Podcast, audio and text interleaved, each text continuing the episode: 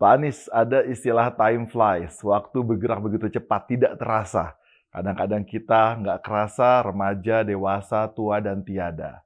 Banyak sekali di antara kita yang, aduh, menyesal. Kenapa sih baru sekarang? Kenapa nggak dari dulu? Apa pun itu bentuknya, entah dia belajar agama, entah dia memanfaatkan waktu sebaik mungkin, belajar pendidikan formal, dan lain sebagainya. Sehingga pada akhirnya banyak yang, aduh, menyesal. Kenapa nggak saya manfaatkan itu sebaik mungkin. Nah, Pak Anies, menurut Pak Anies, gimana caranya? Apa yang mesti kita lakukan sehingga penyesalan itu tidak datang di kemudian hari, Pak Anies? Jadi, di dalam Quran, Allah bersumpah dengan waktu di dalam banyak ayat. Iya.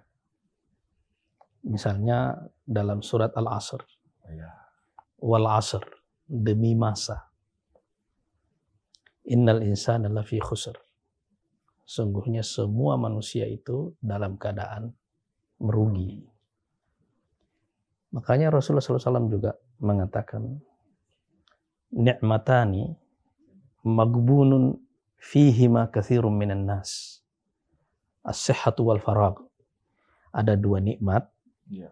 yang banyak sekali manusia tertipu hmm. di dalam dua nikmat itu. Yang pertama adalah kesehatan, yang kedua adalah waktu luang. Ya, ya, ya. ya kan? Ini maksudnya Islam mengajarkan kita kesadaran tentang waktu. Karena setiap kita ini dikasih jatah waktu hidup oleh Allah Subhanahu wa taala yang ujungnya tidak pernah kita tahu. Betul. Iya kan? Rahasia Allah ya, Ustaz. Itu rahasia Allah itu. Kita tidak tahu kapan kita lahir ya. dan kita tidak tahu kapan kita mati ya kan. Ya.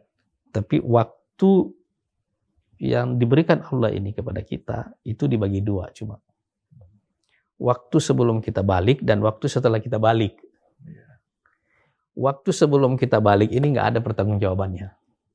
Tapi waktu setelah kita balik ya. ini ada pertanggungjawabannya. Ini yang dipertanggungjawabkan.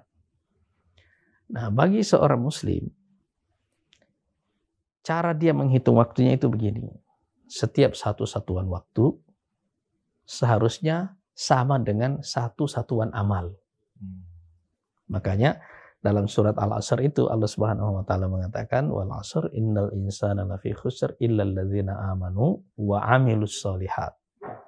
Ya kan? Ya.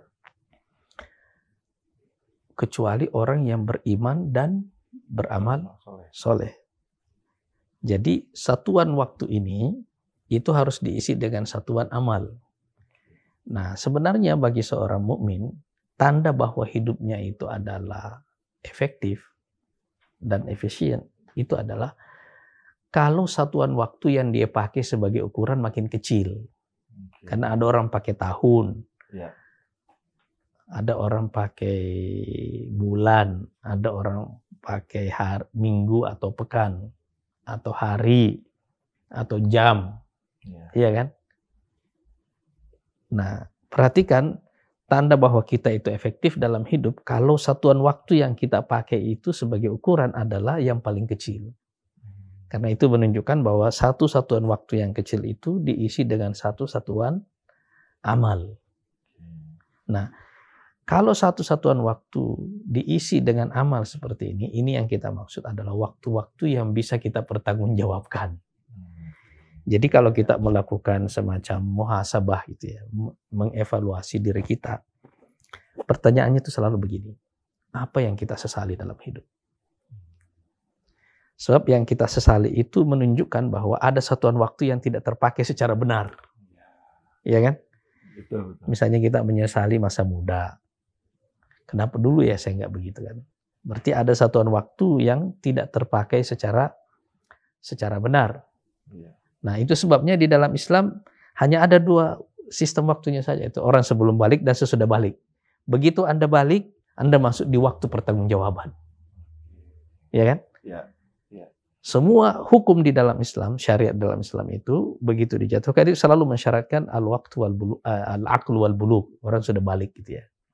Nah, maksudnya adalah bahwa itu adalah waktu yang dipertanggungjawabkan. Nah, karena kita tidak pernah tahu akhir dari hidup kita ini, maka Rasulullah SAW mengajarkan kita satu doa.